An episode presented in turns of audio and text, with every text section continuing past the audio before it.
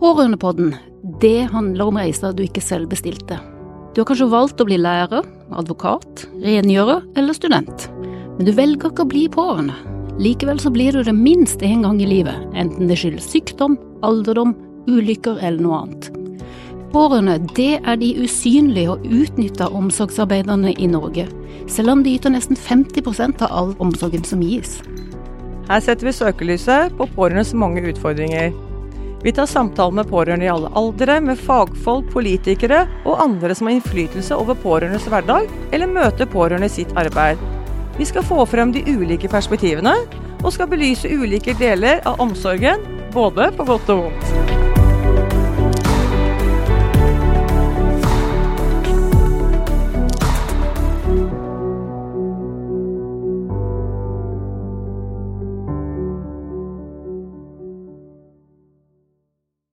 Hei og velkommen til en ny episode av Pårørendepodden, hvor vi så eh, i dag er så heldige at vi har med oss en stortingspolitiker. Og det er Bård Hoksrud fra Frp, Fremskrittspartiet. Velkommen, Bård. Tusen takk for det. Det er veldig hyggelig å få lov å bli med og få være med på denne podden. Dette gleder jeg meg til. Og det blir sikkert litt utfordrende også, men det er sånn det skal være. Det er sånn det skal være, og det finnes jo ikke gale svar på det området her, det er bare veldig mye som kan diskuteres. Absolutt mye som mm. kan diskuteres, altså det er et veldig viktig tema. Mm. Men eh, hvem er du? Eh, du sitter jo i helse- og omsorgskomiteen, og det gjør vel du nå på andre periode, eller kan du fortelle litt om din vei inn i Stortinget? Ja, jeg, jeg har jo egentlig vært kommunepolitiker i over 30 år. Og da satt jeg i helse- og omsorgskomiteen og var leder av helse- og omsorgskomiteen i Bamble kommune, som jeg kommer fra. Så jeg har jo lang erfaring fra helsepolitikk, men jeg kom på Stortinget i 2005. Det betyr at det er 16-17 år siden nå. Da begynte jeg egentlig å jobbe mest med transport, for det å komme etter Jon Alvheim med den lange, den lange pekefingeren, det var ikke helt lett på helsefeltet, så da tror jeg det var riktig å finne et annet område. Så jeg har vært mye helse, med mye transportpolitiker på Stortinget, men så har jeg sittet i helsekomiteen en periode. Jeg var jo statsråd i Landbruks- og matdepartementet. Eh, og så har jeg kommet tilbake til helsekomiteen nå, og det er jo et veldig spennende felt, men det er et veldig svært felt. Eh, og alle har jo en mening om det. Mm. Det betyr noe for veldig mange, kanskje litt forskjellige faser av livet, hva som er viktig på helsepolitikken. Men ikke minst pårørende. 800 000 pårørende er mange mennesker som i perioder av livet opplever det å være pårørende og sikkert både sinne, frustrasjon, men også selvfølgelig av og til litt sånn eh, skal vi si, tilfredsstillelse, positive ting. Man opplever at man får god hjelp. Men dette er ting som jeg tror mange kjenner seg igjen i på alle fasettene, fra det å være veldig glad, og veldig godt fornøyd med at man får tilbud, til at man er frustrert over at man ikke blir lytta til og ikke blir tatt på alvor som pårørende. Mm. Da kommer det et spørsmål. Ehm, hvor er det lettest å få til konkrete ting i pårørendepolitikken? Er det i kommunen, eller er det på Stortinget? Jeg tror nok at i hvert fall i kommunen, det er, det, det er ofte, i hvert fall på det som gjelder pleie- og omsorgstjenester, eldreomsorg osv., det er jo i kommunen. Mm. Og det er kommunene som har ansvaret. Og der tror jeg det handler mye om at lokalpolitikerne er aktive og opptatt av dette. Eh, at man har en kommune som er positiv og ser verdien i å ha pårørende, og det det faktisk betyr positivt. Eh, så, så tror jeg det er veldig mye kan skje lokalt og nærme der folk bor. Men det handler også om at vi på Stortinget vi må se viktigheten av pårørende, hva de betyr, og hvor viktig del av det å gi de som trenger eh, pleie, behandling osv., en best mulig hverdag og et best mulig liv. Og da trenger man den ressursen. Og det er jo Altså for samfunnet, vi hadde ikke klart å levere de tjenestene her uten å ha pårørende. Mm. Og det tror jeg man ofte litt sånn glemmer litt ifra eh, systemene sin side. og og, og, når man jobber der, liksom, så er det sånn, vi vil gjerne at ting skal gå fort og effektivt, fordi man skal liksom rekke over mange. Så må man se den verdien det faktisk er at det kommer pårørende inn på sykehjem, inn i omsorgssenter, hjem til, til, til f.eks. Ja, pårørende til mammaer og pappaer, eller altså, som, som er besøker mamma og pappa osv. Er jo kjempeviktig, og det må man se som en verdi. Jeg har opplevd å høre om ansatte som har vært litt sånn frustrert fordi det kommer noen frivillige som har lyst til å, og bidra, stille opp, at det kommer pårørende som kommer og ser på det som et problem, at de kommer og er med og hjelper til når man spiser osv. Dette er jo for å gi de gode opplevelsene, de gode, gode tinga, og mm. da er det så utrolig viktig å se den enorme verdien som pårørende bidrar med. Ja. Og Det er derfor vi er her i dag, for vi ble jo veldig fascinert og glad også forrige uke da vi så på Stortingets spørretime. Fordi der var det flere temaer på om pårørende, og en av de var jo en sak som eh, nå har blitt til en større sak i Aftenposten, som handler om et yngre par hvor den ene pleier den andre, og hvilke utfordringer vedkommende har hatt. Og du var jo den som løfta dette inn, kan du fortelle litt om hva du eh, opplevde, og hvorfor du engasjerte deg? Det var jo fordi at jeg ble kontakta av noen av mine partifeller lokalt i Løten, som kjente etter Torgunn og Bodil, hvor Bodil har fått Alzheimer, påvist Alzheimer, og er det er fire år siden cirka, og var da rundt 50 år. Eh, det er veldig ungt, og det er en helt annen situasjon kanskje enn sånn som man ofte har tenkt når man får Alzheimer. så er man kanskje blitt en altså pårørende, eller partneren har kanskje blitt uh, den som man er gift med, har kanskje blitt pensjonist, ikke sant, og man er pensjonist, mens her kommer det plutselig ny, nye mennesker som har unge mennesker, som har helt andre behov, og som trenger en helt annen hjelp. Og det å sitte og høre Torgunn fortelle at liksom hun opplever at eh, litt sånn eh, den uverdigheten i at hun ønsker å stille opp for Bodil de åra de kan ha sammen, ha gode år sammen fortsatt, og få lov å være med der. Og så føler man liksom at hun må bli sykemeldt, AAP som er liksom neste, for kanskje å bli uføretrygda, og så kan det kanskje bare gå noen år, eller fem, seks, ti år, og så er Bodil, nei, Torgunn rett over 50 år. Betyr at du fortsatt har mulighet til å kunne være i arbeidslivet. Mm. Men det vil være veldig dumt hvis det vi gjør fra samfunnets side, er å putte noen pårørende inn i uføretrygden. Og det var det som gjorde noe med meg, den derre uverdigheten, at man trenger verdighet. Men var du litt overrasket over at eh, dersom man får syke som er 40-50 år, at ikke det er noen ordninger for de pårørende som vil ta seg av dem, eller kombinere jobb med Det kan jo også være noen som får hjerneskade, andre unge mennesker, at det ikke er noen ordning for dem? Ja, jeg tror mange blir litt sånn når man begynner å se, for man tenker omsorgslønn eller eh, ikke sant, som, som, var den ordningen man hadde før, som kommunene gir, som er blitt lovpålagt nettopp fordi at vi har liksom vært tydelige på at det må være noen ordninger der. Men så er jo problemet at det bare er en rettighetsfesting. Og så er det opp til hver enkelt kommune hva de vil legge, hvilken lønn du får, hvor mye du får osv. Så, videre. så det er jo ikke noe alternativ. Og så har man pleiepenger, men det er noe man bare får de siste 60 dagene før man kanskje går bort. Og det er jo heller ikke noe med som Bodil kan leve i mange, mange år med demensen og, og Alzheimeren sin. Og sånn er det mange tusen mennesker i Norge som, som har det. Mm. Og vi ser at det blir dessverre enda flere unge som opplever dette her. Og da trenger vi å tenke nytt. Vi trenger å se at eh, er sant? For, for, det handler om at vi skal verd, altså man skal ha en verdighet i, i, hvordan man kan få lov å ta vare på, få lov å være pårørende, få lov å gjøre dette. Det er ikke alle som har lyst til å gjøre som Torgunn, og, og kan det. Eh, være sammen med, med, med, partneren sin eller den man er gift med. Mm. Men for noen som har lyst til det, så må vi legge til rette for det. Mm. Og så føler jeg at jeg syns masse sykehjem er kjempeflott å finne, men det at en ung, dement person som er fysisk veldig sterk og aktiv, så er ikke et sykehjem stedet sted å bli plassert på. Det er ofte det kommunene har å tilby. Eh, og derfor syns jeg det er så, fascinert over at Torgunn og og Bodil tar litt den kampen. De står fram, de forteller om dette. For vi trenger, vi trenger noen som, som vil være villig til å stå fram og fortelle om det. For det er jo da man får gjort ting bedre, og så må man ikke tenke fra kommuner eller, eller ansatt at dette er liksom for at man skal være slemme, eller fordi at man skal liksom eh, sette noen i et dårlig lys. Man må tenke at dette er jo for å gjøre ting bedre. Mm. For at man skal få enda bedre kvalitet på tjenestene vi leverer til, til innbyggerne våre. Så man må liksom når rådmenner eller kommunaldirektører blir fornærma fordi noen tar opp dette og blir litt sånn, eh, går rett i forsvarsposisjon, isteden burde man jo tenke at ja, dette er noe vi må gjøre noe med, dette må vi gjøre bedre. For det er faktisk viktig å lytte til de som føler på dette her. Og det kan være at man mener at man leverer gode tjenester så mye man vil, men det er den opplevelsen som pårørende har, som brukeren har, den som skal få tjenesten har. Det er faktisk virkeligheten for de. Mm. Og det syns jeg er et viktig perspektiv som man kanskje litt for ofte ikke tar helt inn over seg. Jeg vil liksom følge det sporet litt, dette med at vi ikke eh, som du sier, du blir litt overrasket over at vi ikke har noen ordninger for de som vil ta seg av de som blir syke hvis de er over 18 år. Og det er jo noe vi eh, i pårørende er veldig opptatt av.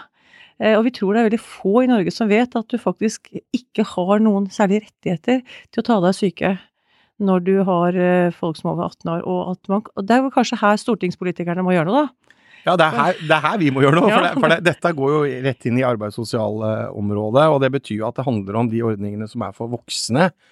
Eh, og, og der har vi liksom, men, men som jeg sier, at jeg tror at det har vært litt sånn at man har hatt veldig mye eh, oppmerksomhet rundt unge og barn, og, og det skjønner man jo at det har man. Men så ser vi at det begynner, altså ting eh, endrer seg, samfunnet endrer seg. Det betyr at det blir nye behov. Folk er i jobb osv., begge jobber, og, så, så samfunnet har endra seg.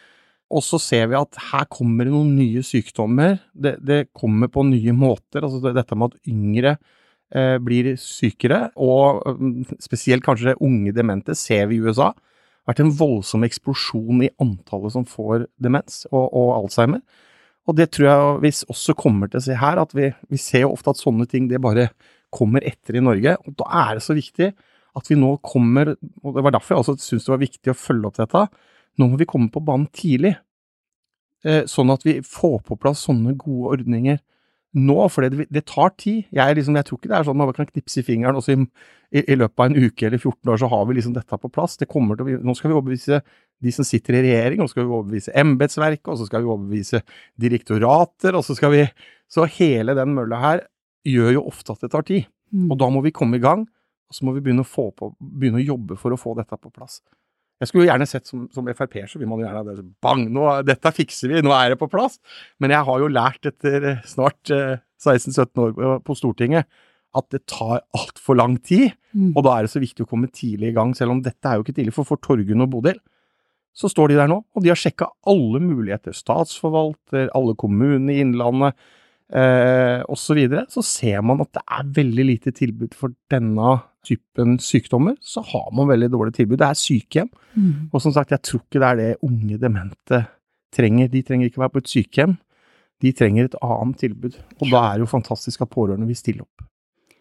Ja, for bakteppet bak det hele er jo noe vi kaller, eller politikerne også jobber med, det er jo perspektivmeldinga. Ikke sant? Den sier jo at vi skal alle yte mer og jobbe mer, og nå er det snakk om lengre pensjonsalder og alle mulige sånne ting. Og den forrige meldingen, der sto det bare at det er lagt til rette for at pårørende kan kombinere arbeidsliv og omsorg. Men dette er vel kanskje et eksempel på at ja, det kan de, men de må ta regninga sjøl. Det er jo det det er, og det viser at som sagt, jeg tror for unge og barn så er det mange flere gode ordninger, men så fort man blir voksen og, og kommer i denne situasjonen, så ser man at eh, ordningene er for dårlige. Og da må vi liksom komme i gang, og så må vi begynne å få på plass og tenke hvordan skal vi gjøre dette på en god måte. For det er klart, det er jo feil at pårørende skal måtte ta den, og det er jo ikke sikkert de har muligheten til det heller. For det er ikke alle som har eh, nok av penger og kan, kan gjøre dette. For noen så handler dette om at de skal få lånet å betale lånet sitt, og de skal eh, prøve å få hverdagen til å gå for resten av familien. og da, da kan det der være en kjempeutfordring. Mm. Eh, og Derfor så må vi få på plass noen, noen ordninger. Derfor så utfordrer jeg ministeren. Og hun var jo liksom litt sånn på glid at ja, dette jobber vi med. Mm. Men jeg blir alltid litt bekymra når man bare sier at dette jobber vi med. Man trenger å ha noen sånn klare frister og, og tanker om når skal dette være på plass. Mm. For hvis ikke så blir det sånn litt sånn politiker at man skyver det bare litt foran seg og sier at dette skal vi se på, dette har vi tenkt å sette ned et utvalg osv. Ja, for jeg tenker også Anita sier at det er et bakteppe med perspektivmeldingen.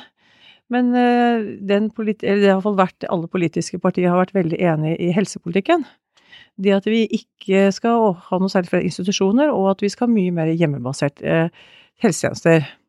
Og kombinert med det, så ser vi vel at eh, det at vi både disse som blir dårligere over som 18 år, de skal ha- mindre muligheter for å komme på institusjonsplasser hvis de hadde kunnet fått det. Samtidig som Anita sier, så skal vi jobbe mer. Ser du at det er et lite gap her, og at vi må finne ordninger? For det er jo Det er ikke lett for meg å jobbe 100% hvis jeg f.eks. får en syk eh, samboer eller mann. Nei, det, er ikke tvil om at Og der, der, der henger ikke sammen det vi sier på den ene sida, og det vi faktisk gjør på den andre sida. Og, og jeg ser jo liksom at um, Tenk, for samfunnet så er det sannsynligvis mye rimeligere at man kan få lov å være hjemme. Men så er jeg sånn, jeg syns at det der med at man ikke skal være på institusjon, at man skal være hjemme osv., jeg syns det er litt tvega. For jeg er veldig enig i det at man skal få valgmuligheten til å kunne få lov å være hjemme. Men da kan det ikke bli sånn at i det øyeblikket du blir dyrere for kommunen, så sier man at nei, nå skal du på institusjon, for nå blir du for dyr. Så sier ikke kommunene det, men det er det som er realitetene. Det er derfor man blir plassert på et sykehjem når man blir så pleietrengende at man trenger veldig mye oppfølging. Da mener jeg at hvis man sier det ene, så må man følge det hele veien. Mm. Så derfor er jeg litt sånn derre Jeg syns vi bygger ned for mye institusjoner, eh, og er bekymra nå. Jeg ser nå at det var nesten 1,8 milliarder kroner som nå blir trukket tilbake, eller over 1,8 milliarder, for å bygge ut nye omsorgsboliger og sykehjemsplasser eh, nå i revidert. Og det er bekymringsfullt, for det betyr at da blir det en færre sykehjemsplasser og omsorgsboliger i forhold til at vi får en aldrende, eller økt alder på befolkningen vår. Mm. Det betyr jo at det blir et gap her. Så skjønner jeg at man gjerne vil ha kostnadene mest mulig ned. Mm. Men det, er, men det er min bekymring, at jeg tror at vi kommer til om bare noen få år, så står vi der og så har vi altfor få uh, institusjonsplasser, fordi det er noen som vil trenge det. Og når vi da vet at i enkelte kommuner så er det liksom et halvt år er den tida man er på en institusjon fra man kommer inn og til man dessverre går bort. Mm. Da er man veldig syk når man kommer dit. Men dette selve grunnutfordringa ligger jo i et slags blikk på at det pårørende gjør skal være gratis. Og det skal være liksom en frivillig, men selv frivillige har jo sine egne rettigheter mer trygghet og mer rammer for den jobben de gjør via en organisasjon, enn pårørende som står helt alene og, og som, eh, som må slåss i systemet selv for å finne ut. For det er jo det denne undersøkelsen som kommer frem i dag viser, at de etterlyser informasjon om valg og muligheter og rettigheter som gjør at de kan ta noen valg. Fordi vi har jo hatt utallige som har ringt inn eller sendt meldinger til oss. Hadde jeg bare visst. Da hadde ikke jeg slutta i jobben, eller da hadde jeg ikke jobbet deltid, eller sånn og sånn, for nå sitter jeg her som minstepensjonist eller som ufør. Ja, og det, det er jo det som er, ikke sant. Altså, og jeg tror vi er litt sånn, vi tenker at som pårørende, jeg tror de fleste av oss også tenker sånn, dette gjør vi jo litt for vi stiller opp, fordi det er noen, de er noen av de kjæreste menneskene vi har rundt oss, ikke sant. Vi vil være med å bidra, eh, og så blir man egentlig litt fordi vi ikke har laget ordninger, så plutselig så står man der, og så er man minstepensjonist, på tross av at man faktisk har gjort en vanvittig innsats for samfunnet gjennom mange år. Eh, og, og derfor er det så viktig at vi tar dette på alvor, at vi begynner å se på ordningene, og hvordan vi kan lage bedre ordninger. Og så er det jo selvfølgelig sånn at frivilligheten og, og pårørende er en enorm ressurs. Eh, og jeg tror ikke vi kanskje ville kunne klare å betale for alt det man gjør, og det, og det tror jeg opplever heller ikke at folk er Det er ikke der man er, men man, men man ønsker faktisk å bli sett og bli lytta til, og, eh, og at det man kommer med, at det også blir, blir sett, og at det blir lytta til, og at det faktisk blir fulgt opp også. Jeg tror mange pårørende opplever litt sånn at man sier ifra, og så, og så får man en dårlig eh, tilbakemelding eh, tilbake, og det er veldig synd. For det er der vi kan gå inn og se, dere har jo et spennende forslag i deres partiprogram nå fra 2021 til 2025, så står det at pårørende til alvorlig syke skal ha rett til en tidsbegrenset pleielønn når de pleier sine nærmeste.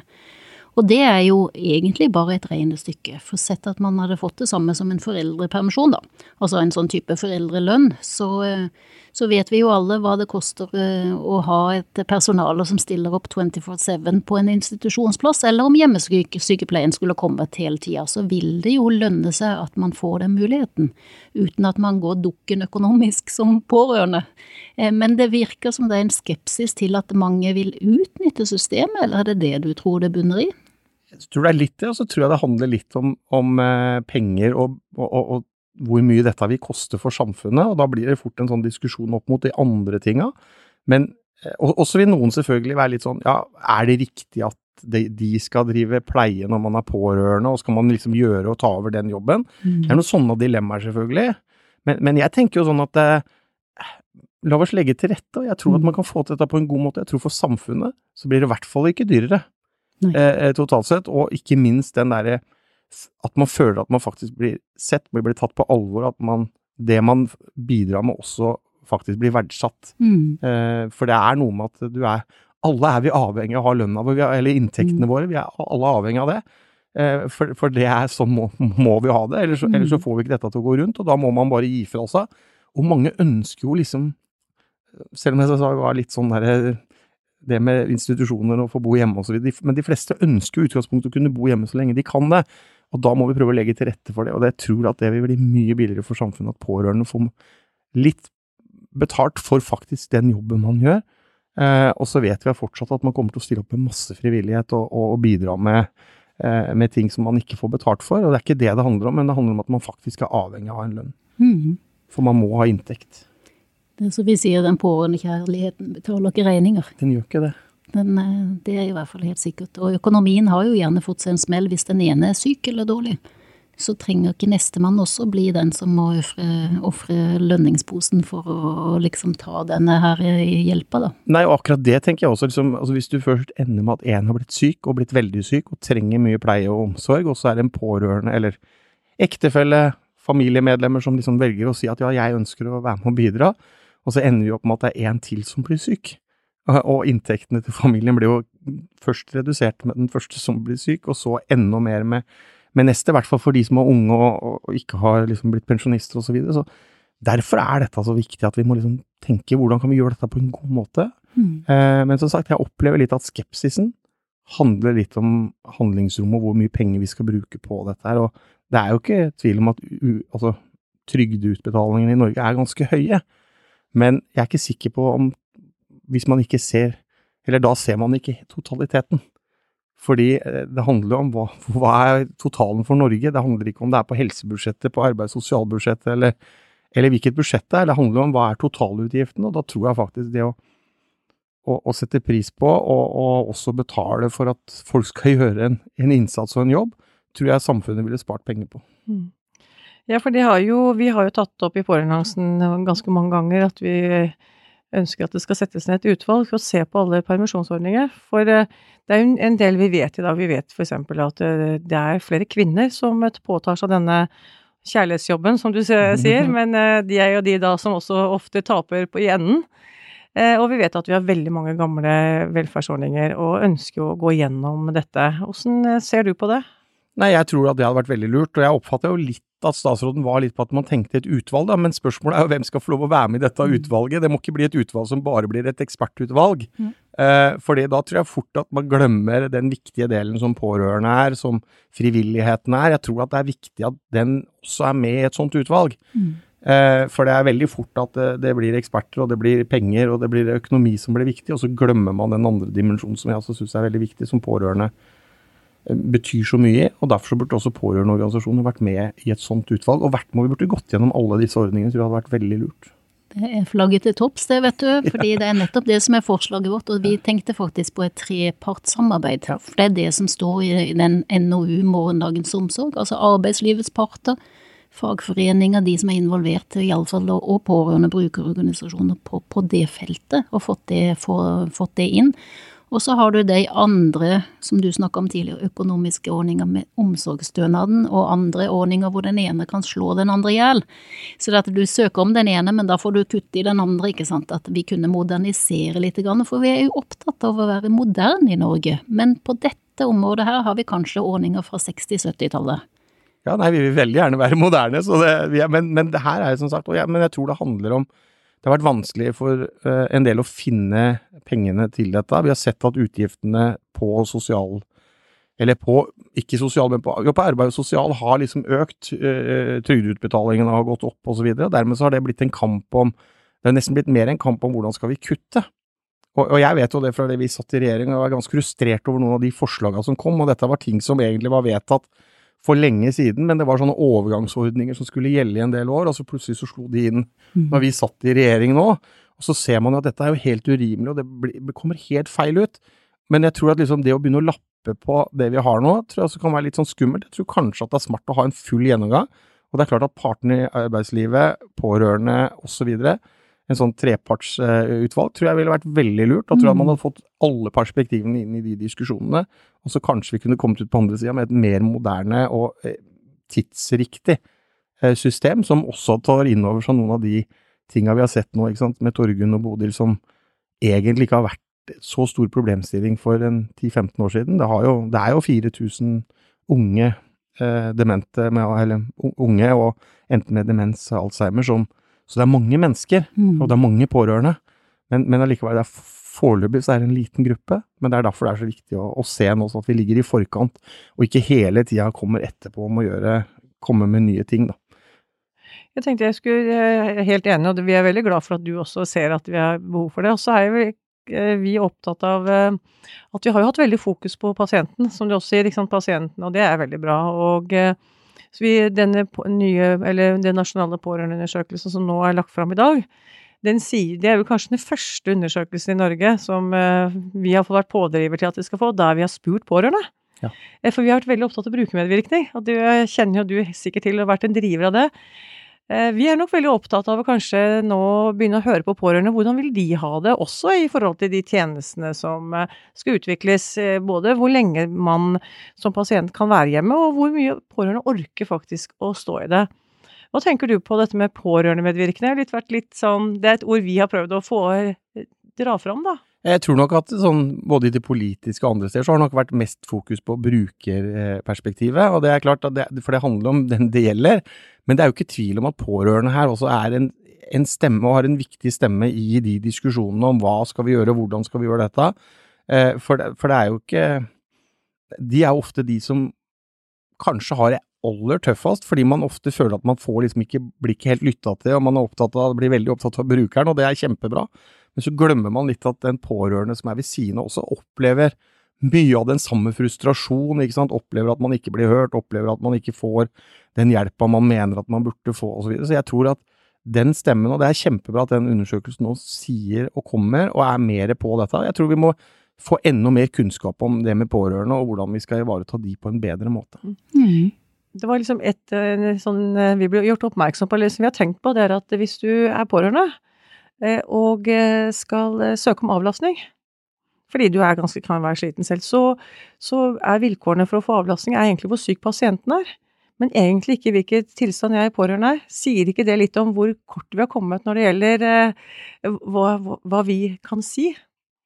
Jo, jeg tror, jeg tror, det er jo et ekstremt godt eksempel på, på, på hvordan man glemmer litt den ene biten av det. Man, man tenker på brukeren og, og de behovet den har, men det er jo ikke tvil om at for en kommune eller for samfunnet, hvis man får pårørende som egentlig går Altså blir syke fordi man ikke blir tatt på alvor, fordi at man ikke får den avlastninga som man ser at man trenger for å liksom klare dette her. Mm. Og, og så er det jo ikke tvil om at det var noe av det vi også gjorde ikke sant, med, eh, med demente. Vi ser jo det at det er viktig for pårørende å kunne få litt avlastning innimellom. Det, det er ganske tøft å leve med, med mennesker som har demens, for eksempel, og da, da trenger man å ha noen pusterom innimellom.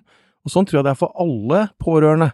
At man av og til trenger å ha noen eh, Enten det kan være noen dager for å få avlastning, det kan være at man bare trenger noen timer noen ganger i uka osv. Men da er det jo viktig at man også har med en pårørende og lytter til hva den sier, eh, og hva den er opptatt av. Men jeg tror vi liksom har, har glemt litt det, da, for vi tenker bare at det er brukeren vi skal levere tjenester til. Og så glemmer man at hvis, ikke man, hvis man glemmer den pårørende, så er det plutselig ikke bare den brukeren, da blir det plutselig en bruker til som man fra det offentlige må, må levere tjenester til fordi man ikke klarer å stå i det. For, fordi man har liksom ikke blitt lytta til og ikke fått muligheten til å få det, den, den hjelpa man trenger. Som vi sier, at det er bra med to for én på matbutikken, men veldig dårlig med to pasienter ut av en diagnose. Og vi har jo også en annen gruppe som vi er veldig bekymra for, det er jo alle de som trenger avlastning mest, det er kanskje pensjonistene våre. Den store pensjonistgruppa som den ene må passe på den andre, og de kan ikke skylde på at de skal på jobb. For de bor jo bare sammen med den det gjelder, ikke sant, og det er mange der som også kommer og sier at de går under radaren og ikke blir verken sett eller hørt for egne behov da, i, i forhold til det. Ja, og, og da er det kanskje ikke sant, der er det ikke nok ikke en økonomisk ordning som er det viktige. Der er det en ordning for å kunne få avlastning, for å kunne få hjelp til å løse eh, ting, og få den Ja, for noen handler det om å få det pusterommet som man trenger for å klare eh, å, å holde ut. Og, så, så jeg mener jo at der tror jeg vi har masse å, å, å se på som, som vi ikke har liksom tatt helt inn over. oss. Nettopp litt fordi vi har vært veldig fokusert på den som er brukeren, og den som skal ha tjenestene Mm. eh, og er pasient, eller eh, Og så glemmer man de andre som står rundt, som, som står midt oppi det, og kanskje de som lever hele tida og er sammen hele tida. Så, så eldre tror jeg også vi må tenke litt på Det er jo litt sånn Jeg har nok hatt det med meg, men det var liksom det er litt sånn enda mer bevissthet rundt det nå, når vi sitter her og prater om at det, man må ikke glemme den biten. For der er jo vi opptatt av å henge bjella på katten og si at kommunen må jo faktisk ta et ansvar i det som foreslås. Eh, og som også er i vårt arbeidsprogram, å få fram en sånn avtale. Hadde man hatt et møte med den pårørende, avtalt hvem gjør hva, når skal det være avlastning, hvem kontakter jeg hvis jeg ikke orker mer, hvis jeg blir syk selv, ikke minst. Det kunne være så enkelt som det at man avtaler hvem gjør hva, og tar og avstemmer det litt jevnlig. Og det er jo faktisk én ting, det kan du ta med deg, står i Hurdalsplattformen. Og så er det jo, eh, så, så, når dere skal gnage på videre, så må dere gnage på den. Og så er det jo også det som vi har vært inne på før, med, med eh, punkt to der er eh, å fremme likestilling. Og muligheten til å stå i jobb står jo også i Hurdalsplattformen at man skal gjennomgå velferds- og permisjonsordninger. Så den er det bare å bite, bite seg fast på og ta med videre, og få, få til en allianse på å få igjennom det i denne stortingsperioden, tenker vi da. Ja, absolutt. Jeg, jeg syns jo det er, det er, bra, hvis vi, vi, klarer å få til det. Jeg tror dere er noen som har stått mye på for å sørge for at dette kom i, i Hurdalsplattformen. Det, er, det, er, jo ikke tvil om at dette er jo kjempeviktige ting å, å, følge opp. Men det hjelper jo ikke bare at det står i en plattform, det må faktisk komme i realiteter, og man må føle at det blir sånn. Og jeg tror jo, sagt, jeg tror også mange kommuner hadde tjent på å gjøre den der. Altså ta det møtet, ta den praten, prøve å bli enige og se klarer vi å komme til en enighet der om hva hva skal kommunen gjøre, hva kan du gjøre? Mm. Så tror jeg også man vil føle at man er mer involvert, og bare det å føle at man er mer involvert, tror jeg også gjør den, den tryggheten. Altså, skulle man bli syk, så er det greit å vite at da har vi en avtale om at da får jeg hjelp. Eh, for vi ser jo det at en del pasienter er jo sånn at man fort kan være inn og ut av sykehuset fordi man er så dårlig. Og hvis man da har en avtale med sykehuset som sier at hvis du blir syk, så er det inn og få hjelp, og sånn er det jo litt. altså Hvis man skulle bli syk og vite at eh, ja, det er noen som, som, kan komme og hjelpe til hvis jeg trenger det, så gjør det også en trygghet. Og da kan det hende at man faktisk holder ut enda litt ekstra og klarer litt ekstra, fordi man vet at hvis det går gærent, så er det noen andre der som kan komme og hjelpe meg. Mm. Så det tror jeg er kjempebra. Kjempebra. Ja, for du, du, som Anita sa i stad, så var jo du på spørretimen som vi syntes var veldig bra. Og da svarte jo helseministeren at det skulle være en pårørendekontrakt eller avtale. Eh, som vi har spilt inn tidligere, og vært veldig glad for å komme til Hurdalsplattformen. Eh, og så var det den pårørendeundersøkelsen òg, da. Den sier jo ganske klart at pårørende opplever at eh, helsetjenesten ikke er så ivrig på å samarbeide med dem. De er passive. Og det er vel kanskje en av de store funnene i undersøkelsen. Og vi er jo veldig glad for at det skal komme en, en, en, en avtale, og håper jo også at dere ser, som du sier, dette, at vi er med på laget. Eh, for de sier i dag at de ikke opplever at de er med på laget. De bare De blir brukt litt sånn til og fra. Så det å få, som du sier, en kontrakt, altså det liksom hva gjør du, hva gjør jeg? Man gjør det ellers i arbeidslivet og ellers òg. Så det er jo litt rart at vi ikke har fått det på plass ennå. Men eh, vi håper på at det er noen som eh, dytter på, da. Ja, vi skal i hvert fall dytte på på det, og så håper jeg, for jeg, jeg, tror nok sikkert at det er en del som jobber i kommunen som føler at liksom nok en ny oppgave vi skal sørge for å følge opp, og, og som blir, eh, kan bli litt ekstra arbeid. Men jeg, jeg, tror nok at på sikt så tror jeg dette vil egentlig tjene, fordi at man da har noen Man er enige om noen, noen mm. kjøreregler og hvordan man kan få til dette på en god måte. Så jeg tror ikke nødvendigvis at det behøver å bli dyrere. Jeg tror heller det kan bli bedre for de som også jobber der. Men jeg, jeg skjønner jo at det er litt sånn skummelt å tenke på når man vet at man går på pressa arbeidsdager og alt mulig for ansatte. men man må jo se at her kan det være en god mulighet for å kunne utnytte de ressursene som, mm. som pårørende har, eh, på, på, en god måte, og at samtidig som at kommunen også kommer med noen forpliktelser hva de skal levere. For jeg syns jo ofte at det er litt sånn at eh, ja, Skal man få en sykehjemsplass for eksempel, så er terskelen er så høy at det er kjempehøyt. Eh, og så ser jeg i noen kommuner så er det sånn at hvis det er trøkk på tjenestene, så bare hever man terskelen. Og hvis det er litt mindre trøkk på tjenestene, så er det litt lettere å få en sykehjemsplass. Og det er jo ikke sånn det skal være. Liksom, man må vite hva man skal ha. Og så tror jeg hvis det hadde liksom vært noen litt sånn avtaler og bli litt enig, så er det For da går det an å si det, dette er det. Og det var derfor vi ønska kriterier for hva som skal til for å få en sykehjemsplass eller omsorgsbolig. Fordi da er det tilfeldigheter. Du kan jo ikke klage på noe du ikke vet hva som egentlig er kriteriene for å få det. Nå er det jo kommet krav om at man skal ha, ha dette, men vi ser jo at det er, det er for dårlig. Eh, og det blir vanskelig å kunne liksom påklage et avslag fordi man sier bare at nei, men det oppfyller ikke krava som kommunen har, og så er det kommunen som egentlig bestemmer de krava. Mm. Det har vært mye bedre om man liksom Sånn er det. Eh, og så vet du at da, hvis du ikke får det, så kan du faktisk klage, og så har du krav på en plass. Men du sier jo det at du tenker at det med en avtale at de ansatte ville synes det er eh, kanskje litt mer belastende. Det, det, kan jeg forstå, for jeg er jo vernepleier. Men samtidig så er jo det noe med kunnskap, da. Eh, og vi vet at vi har mange gode helsearbeid i dag, og vi vet at hvis du har mye kunnskap om pårørende, og samarbeid med pårørende, så vet du én ting. Du vet at du får en bedre arbeidsdag som helsepersonell. Du vet at pasienten får det bedre, og du vet at eh, familien får det bedre. Så hvis man løfter kanskje dette med kunnskap om pårørende, som vi ikke har vært så opptatt av som du sier òg, så kanskje vi hadde tenkt at dette er virkelig noe vi burde gjøre, for vi vet at vi får en bedre arbeidsplass, og vi vet at vi får det hyggeligere òg, fordi pasienten får det bedre, og det er derfor vi er på jobben. Så det er jo litt å løfte det kanskje litt, og ikke bare se det som en, en sånn byråkratisk oppgave, da, og så heller tenke at vi, vi, vi, er jo stolte av helsearbeiderne våre, eh, og stolte av selv at vi sitter med, mye god utdannelse, så bare få det kanskje litt mer inn i kunnskap om oss som er pårørende, så tror jeg at det skal gå bra. Ja, ja, jeg, jeg misforstå meg rett, for jeg mener at det er masse gode helsearbeidere som definitivt ser at dette er en verdi. Men jeg tror at du trenger å ha kunnskap om, om å vite hvordan kan man bruke pårørende eh, på en eh, Både til, til, god hjelp for, mm. for de ansatte, og, eh, og, den viljen til faktisk å kunne være med å bidra som pårørende har. Mm. Så det å, det å, øke kunnskapen tror jeg er kjempeviktig. Jeg tror det er masse å hente på det.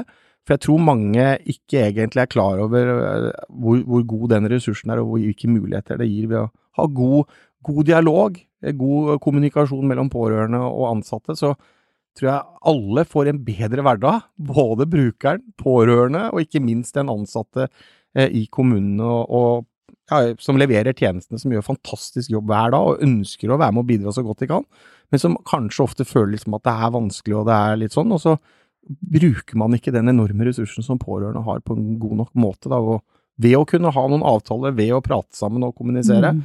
så tror jeg man kan få til utrolig mye og gjøre lettere for alle og bedre for alle. Du kommer jo fra Bamble kommune. Hvor mange innbyggere er det der? Ca. 14 000 innbyggere. 14 000, Det er jo en ganske stor, for gjennomsnittskommunen er vel er det 4000 i Norge eller noe sånt? 4000-5000. ja. Fordi det, vi har jo nettopp kommet ut av en pandemi. Mm. Og der så vi jo noen tendenser til hvor viktig det kan være å kjenne sine pårørende. For der så vi jo at folk gikk ut i lokalaviser og ba pårørende stille opp når det gjaldt alt fra å få folk til vaksinetime til eh, å eh, følge opp. Og det er jo tegn på at man egentlig ikke vet eh, hvem de pårørende er, og at man heller ikke vet hvordan man skal nå de.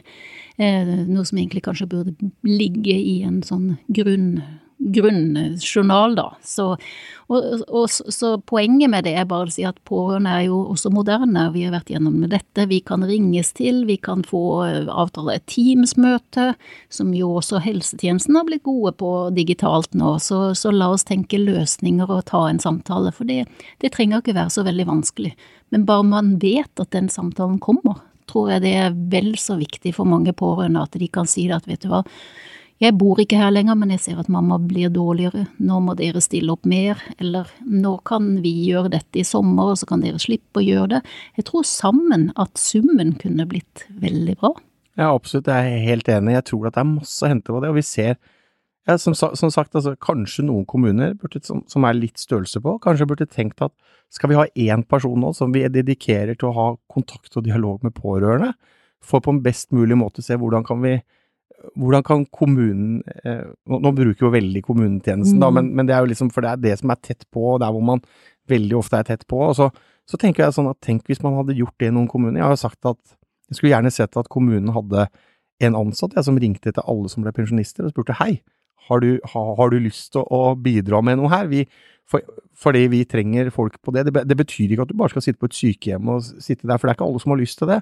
Men kanskje du skal hjelpe de guttungene som trenger å ha en voksen som kan, kan bidra litt. Men for mange så er det sånn, jeg ringer ikke til kommunen og sier hei, her er jeg, trenger dere meg til et eller annet. Men hvis noen fra kommunen hadde ringt og sagt hei, jeg ser at du nå er pensjonist, det er litt på sida av det vi prater om, men det er noe mm. med Det handler jo litt om at på samme måte kunne vi gjort det i forhold til pårørende. Tenk å ha hatt en som ringte til pårørende og spurte liksom Hei, er, vi prøver nå, og vi ser nå vi har gjort dette. Er det noen ting vi kan gjøre annerledes? Kan vi få til dette på en bedre måte? Kan dere, Ser dere at du kan være med og bidra enda litt mer som pårørende? Tror jeg det er, tror det er masse å hente eh, for alle, alle partene her, og mm. det blir bedre for den som skal ha hjelp. da. Men det var vel litt det som eh, den undersøkelsen sier òg, litt til pårørende, det er at de opplever at helsetjenesten ikke er noe aktiv overfor dem. Ja. Og det er vel kanskje det vi må lære oss etter hvert, at de som er ansatt i kommunen må begynne å være aktive overfor borgerne, fordi vi er til syvende og sist er vi pårørende borgere. Absolutt. Så det er vel kanskje der vi må tenke at det, her må kommunen kanskje se de ressursene de har, og være litt aktive. Så kanskje vi sammen kan få et enda bedre velferdsstat, tenker jeg. Ja, og absolutt. Nå når vi sier liksom, vi vet at det blir færre yrkesaktive bak hver, det betyr at, og vi blir en eldre befolkning, det betyr at vi er jo nødt til, fordi vi jeg er ikke sikker på at vi klarer å få tak i den arbeidskrafta vi trenger. Eh, I framtida må ikke være pessimister, selvfølgelig, men, men liksom det er noe med at det er noen utfordringer som vi kommer til å stå overfor framover. Og da, er liksom, da må vi spille på alle, og hvordan kan vi få til det på en god måte? og da er vi jo litt sånn tilbake til Torgunn og Bodil, ikke sant. Torgunn ut av arbeidslivet fordi hun vil bidra, være pårørende og være sammen med eh, den hun er mest Mm. glad i. Eh, og så er eh, realitetene tilbake fra samfunnet er at eh, du må sykemelde deg, og det kan du egentlig, har egentlig ikke lov til. Eh, og så skal du bli på AAP, og så skal du bli uføretrygda. Og så har, kunne hun kanskje hatt 8-10-15 gode år i arbeidslivet i framtida. Og det er jo utrolig dumt. Da. Det er jo sløse med ressursene som vi har, og ikke minst eh, den følelsen av liksom å føle at man ikke får lov å bidra, og kan bidra, Mm. for, fordi man møter sånne eh, Ja, vi møter noe regelverk og noen forskrifter og lover og ikke ordninger som gjør at du kan, i en periode av livet, kunne være med og, og gjøre noe Altså få være sammen med den du er mest glad i, og så kunne man fortsette arbeidslivet etterpå. Så det det. Her tror jeg det er masse å hente, altså. Det tror jeg det er riktig, og det, og det, det gjelder jo også demens er en ting. Altså, du har kreftsykdommer, du har alle mulige kroniske sykdommer hvor det går eh, en, en tids Folk ser at de har en, en sluttdato på, på et eh, forhold til noen de er glad i, så, så, så kan det Så må vi finne ut av det, om det gjelder i mange år, eller om det gjelder i kort tid, tenker jeg, for å få dette til. Dere er jo opptatt av en annen ting også i, i programmet deres, har jeg sett at dere er opptatt av pårørendeundersøkelser. Bruker- og pårørendeundersøkelser. Hvorfor syns du spesifikt det er viktig? Jo, for jeg tror det er viktig at hvis man får vite hvordan man leverer tjenestene til, til brukerne og, pårørende, hvordan de opplever det, så får man jo en tilbakemelding på liksom, er vi gode her, hva kan vi gjøre bedre, hvordan kan vi bli bedre? Og ofte så opplever jo veldig mange at de blir ikke hørt, de blir ikke sett, de blir ikke tatt med på råd. Så, så det der å spørre pårørende, hva er, hva er du fornøyd med av de tjenestene vi leverer, hva kunne vi gjort bedre, og, og hvordan kan vi bli bedre? Og så vet jeg at noen er litt redd for det, for det betyr jo plutselig at man blottlegger seg litt, og at man er ikke så flink, og det er noen ting man ikke er god på. Men da er jeg alltid sånn at nei, men tenk på dette som noen muligheter til faktisk å forbedre tjenestene. Sørge for at vi leverer enda bedre tjenester, at vi har enda mer fornøyde pårørende, enda mer fornøyde brukere, og vi har også sannsynligvis enda bedre fornøyde ansatte. For det er mange ansatte som er, går hjem og gråter når man er ferdig på jobb fordi man føler at man har fått gjort det man vil. Og så kunne man kanskje, hvis man hadde klart å spille på alle de ressursene man har, og lytte til pårørende, hva de føler, tror jeg er kjempeviktig. Mm. Da kan jo vi eh, informere om at det går litt framover, da. Ja. Fordi at det er veldig lite pårørendeundersøkelser. Det er veldig mye brukere igjen. Ja. Veldig mye brukerundersøkelser. Det ser du FHI har gjort, og Helsedirektoratet, og det er vel andre nasjonale pårørendeundersøkelser vi har i Norge, og det var jo noe vi har etterlyst i mange år. Men det som vi har gjort nå, da, det kan vi informere om at det det er vel kommuneforlaget, så har vi vært med og utarbeida en pårørendeundersøkelse som kommunene nå kan bruke. Så vi vil jo absolutt oppfordre alle kommunene til å gå inn der og bruke den undersøkelsen, for da kan de få vite litt hvordan de har det, eh, og hva slags tilbakemeldinger eh, pårørende gir. Så det går litt framover, og så håper vi på at eh, politikerne i kommunene sier at dette vil vi bruke på Mm. lokalplan. Det tror vi på. Det ligger på bedrekommune.no, der er det faktisk eh, 280 kommuner som er tilknyttet den da, og kan eh, abonnere på en sånn tjeneste dersom de ønsker og burde finne ståa for å lage gode løsninger. for Jeg tenker jo sånn, Enhver kommune burde jo tenke at dette er bra. Jeg sitter sjøl i kontrollutvalget, eh, og som leder av kontrollutvalget i kommunen min. Og, og jeg er jo liksom, eh, Noen føler at liksom, nå er kontrollutvalget ute etter å jakte etter hvor de skal ta noen. Men det er jo ikke det det handler om. Ja, vi skal finne ut hvis det er noen som har gjort noe feil, så må vi rydde opp i det. Men hele hensikten er jo at vi skal levere enda bedre tjenester til innbyggerne. Så, eh, og vi, vi har stilt masse spørsmål rundt pleie og omsorg, men det har vært sjelden at pårørendebiten har vært inne. Mm. Så her tror jeg vi skal tilbake, og så skal vi si til noen at eh, er vi med i dette nettverket, og hvis Det ikke vi er det, så skal vi Ja. Eh, også begynne å stille litt spørsmål til, til pårørende for å få tilbake med hvordan pårørende opplever kommunens tjenester. Så Bamble kommune kommer nok sannsynligvis da til å ha en undersøkelse kanskje neste år. Det håper jeg virkelig. Jeg skal i hvert fall gjøre mitt. Så må det vel være et flertall hvis man skal være sikre på det, men jeg vil jo tippe at ingen er imot at vi faktisk skal lytte og finne ut hva pårørende mener. Det burde være, alle være positive til ikke bare mener, men hva de kanskje trenger og ønsker Absolutt. seg. Og jeg tror at igjen, summen man kunne spare penger på å ikke ha tjenester som ikke er nødvendig, og beholde og utvikle det som folk sier de trenger. Det, det er jo alltid smart å gjøre. Vi, vi spørres jo om alt mulig i alle mulige andre sammenhenger om hvordan vi opplever tjenesten og varen og det vi har kjøpt. Så, og nå er det det samme egentlig på hva vi, hva vi opplever av kommunens tilbud da, Ja. og muligheter. Så, men Bård, vi skal begynne å gå inn for landing. Men vi har jo en utfordring som vi kommer til, og iallfall til politikere, må vi ikke si det, Anne Grete? Jo, absolutt. Eh, Vi har det. Og du har jo vært i politikken lenge, så du vet vel kanskje hvordan det er å være og har kanskje drømt om å bli en helseminister? Jeg har jo fått, fått være landbruks- og matminister, Ja, men det er ikke tvil om at jeg jeg har gjerne vært helseminister òg, ja. Og hvis du hadde fått muligheten til å være det en dag, hva ville du først ville ta tak i da? For meg så er eldreomsorg er noe jeg brenner veldig for, eh, og jeg mener at det med pårørende mener jeg definitivt at vi må, kan bli mye bedre på, og de er viktige i forhold til eldreomsorgen for å sikre at vi får god eldreomsorg. Så eh, det handler om å få flere plasser, eh, sørge for at vi bygger nye plasser, at vi får økt bemanning. Så skulle jo jeg gjerne sett at vi fikk statlig finansiert eldreomsorg, sånn at ikke det handla om kommunen har penger eller vilje til å gjøre det, men at oppfyller du kriteriene, så får du en plass, fordi da, treng, da trenger du det, og da skal du få det, uavhengig av hvor de bor i landet. Mm. Det var første punkt. Og jeg, og jeg kunne bare begynt Ja ja, da, da hadde vi måttet tatt en episode til, det vet vi. Så eh, sånn er det. Men eh, du skal ikke se bort ifra at du kommer tilbake hit ved en annen ledning, så det, det vil vi gjerne ha en åpen dør på. Tusen takk eh, for at hel- du kom. Og gjerne det. Ja, og helsepolitikk er jo eh, velferdspolitikk, og det er jo egentlig det samfunnet vi lever i, og som vi skal forvalte og ta vare på videre. Og pårørende er en ressurs, men vi bør jo helst ikke gjøre som eh, at vi brenner de opp og brenner det tomt, så vi ikke har noe igjen eh, for fremtida. For eh, det blir vel kanskje mer utfordringer enn muligheter fremover, sånn som vi ser det. Det gjør det. Det er veldig viktig å ikke brenne ut folk, for vi Mm. trenger den ressursen. Mm. Til slutt så vil vi da bare takke for at du kom, Bård. Eh, tusen takk for at du tok deg tida, og det vi snakker om med bedrekommunen.no og pårørendeundersøkelsen.no, det vil du finne i episodebeskrivelsen til denne utgaven. Så takk for praten. Tusen takk. Er dette tema for deg eller noen du kjenner? Følg oss gjerne på sosiale medier, hvor vi synliggjør og gir de pårørende stemme. Du finner alle lenkene i episodebeskrivelsen.